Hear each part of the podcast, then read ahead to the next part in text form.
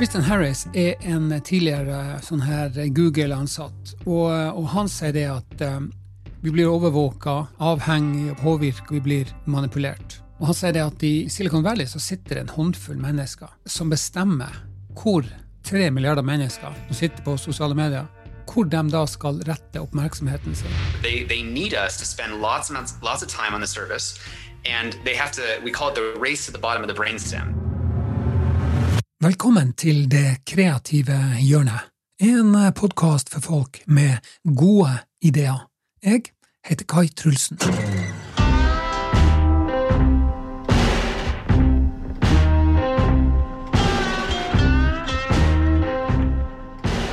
Eh, mange tidligere her Silicon Valley-direktører og utviklere som har tatt til orde for å stoppe denne negative utviklinga som sosiale medier har på våre egne oppfatninger om den virkelige verden og samfunnet som vi eh, lever i. Um, well, uh, the customer is the advertiser. Uh, they're the ones that paying for all this to happen. Uh, og jo oftere vi sjekker telefonen vår, uh, desto mer er vi verdt som brukere. We're worth more when we use the products in certain ways. Uh, og derfor så driver de ulike plattformene, de sosiale plattformene på å, å forske da, på hvordan, kan, hvordan de kan gjøre oss mest mulig avhengig av å sjekke telefonen. Because outrage, narcissism, uh, addiction, polarization, disinformation are all profitable. Og sånn sett da eksponere oss for reklame eller andre um, ting som, som gjør at vi bruker sosiale medier mer. Og det kan, det kan være um, for eksempel altså Den klassiske, den som jeg har vært uh, opptatt av, dette her med likes og kommentarer, hjerter og tomler og sånn, en slags belønning. Altså du sjekker om du uh, har fått noe, og så får du kanskje en belønning i form av en like eller en kommentar eller hjerte eller tommel eller et eller annet sånt. We're evolved to care about other people's approval of us. So if you got a hundred likes or if you got a hundred comments and 10 of them are negative, that we're evolved to really care about that. Det som er avhengighetsskapende, det er jo ikke belønningen i seg sjøl, men det er forventningen om å få en belønning, altså denne dopamin-greia. Eh, Av og til så vinner du. Hadde du vunnet hver gang, så hadde det ikke vært interessant, for da vet du at du vinner. Sant? Men ved å lage et system som gjør at vi vinner av og til, så gjør det oss avhengige på samme måte som man kan bli spillavhengig. And if you tell someone something's bad for you or don't do that, they just think you're trying to control them and, and kids won't listen. That's what happened with tobacco. What really works is if you show the way that it's manipulative, because no one wants to feel manipulated. Nå har jeg jo gått tilbake igjen for å bruke Instagram og Facebook. Um, og så tenker jeg som um, sikkert du også gjør, at jeg klarer å kontrollere bruken min, og jeg er, jeg er bevisst på det. Um, men jeg er, jeg er, i tvil, altså. Jeg er veldig i tvil. Og, og, så ønsker jeg jo å bruke den plattformen da, for å nå ut til andre. Sant? Så jeg står i et veldig dilemma, jeg òg. Um, og, og, jeg tenker litt sånn her etisk og moralsk og, og um, Altså, det ansvaret som jeg føler at jeg har, da. sant? For jeg snakker jo om det her, jeg er klar over det.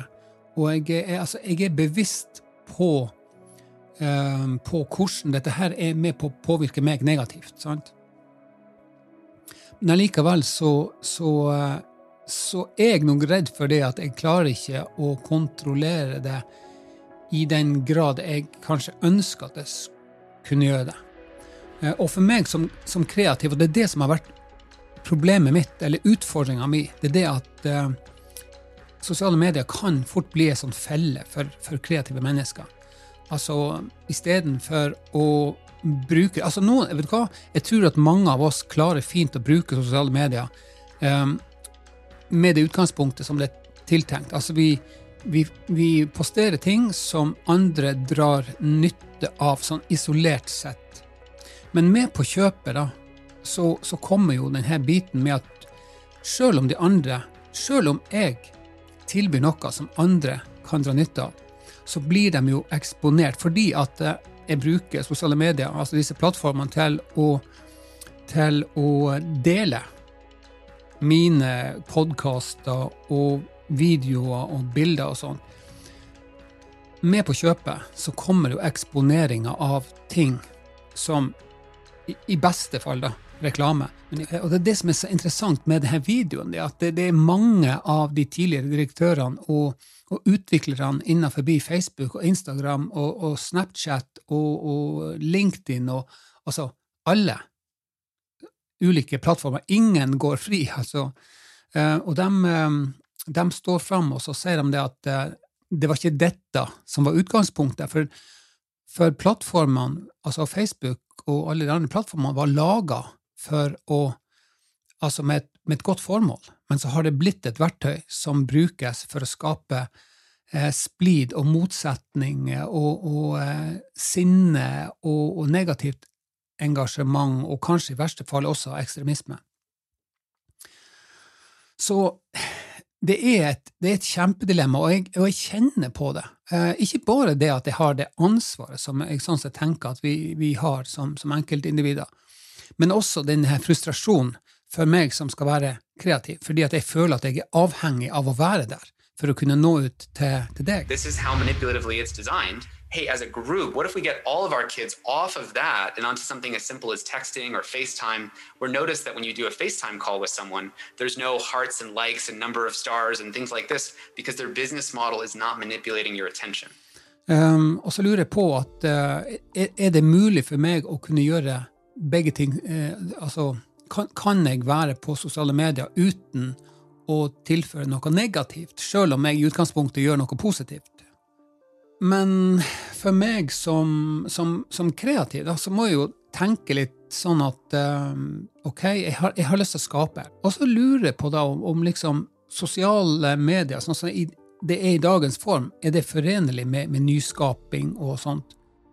Han uh, duden her, da, som, som er liksom nøkkelfiguren i denne dokumentaren, hans mål, altså han Tristan Harris, sitt mål er å gjøre sosiale medier mindre avhengighetsskapende. Og mitt mål er jo å kunne være kreativ og skape uten å la meg påvirke av f.eks. trender og det som er pop. Devices, we check our 150 times a day. It's the infrastructure for going to bed. Children spend as much time on these devices as they do at the hours of school. Det må jeg si. Etter at jeg gjeninstallerte både Facebook og Instagram, på telefonen min. Så, eh, og sjøl om jeg er klar over at, eh, at, jeg er klar over min egen svakhet, ikke sant vel, så, så tar jeg meg sjøl i av og til å, drive på med, med bevisstløs swiping. They basically get children addicted to getting attention from other people. They use filters, likes, etc., beautification filters that enhance your self image. And after two decades in decline, the mental health of teen girls, high depressive symptoms, there's an image here that they'll be able to show, uh, went up 170%. Jeg har lyst til å bidra til noe positivt. sant? Uh, så tenker jeg, kan jeg være på sosiale medier og, og, Instagram og Facebook og alle plassene her, og samtidig bidra til noe som er ensidig positivt? Uh, det er det som er litt av, av dilemmaet mitt. da. Men jeg anbefaler i hvert fall gå og sjekk ut denne dokumentaren, så tar du dine egne, egne valg. Now, it may seem hard, but McDonald's didn't have salads until the consumer demand was there. Walmart didn't have organic food until the consumer demand was there. We have to demand this new kind of technology, and we can do that. And doing that would amount to shifting from a world that's driven and run entirely on time spent to a world that's driven by time well spent. Vi har kommet til veis ende i dagens episode av Det kreative hjørnet. Bilder og linker finner du på kaitrulsen.com eller i beskrivelsen under. Musikken er levert av Epidemic Sounds. Tusen takk for at du var med meg i dag. Jeg heter Kai Trulsen. Vi høres.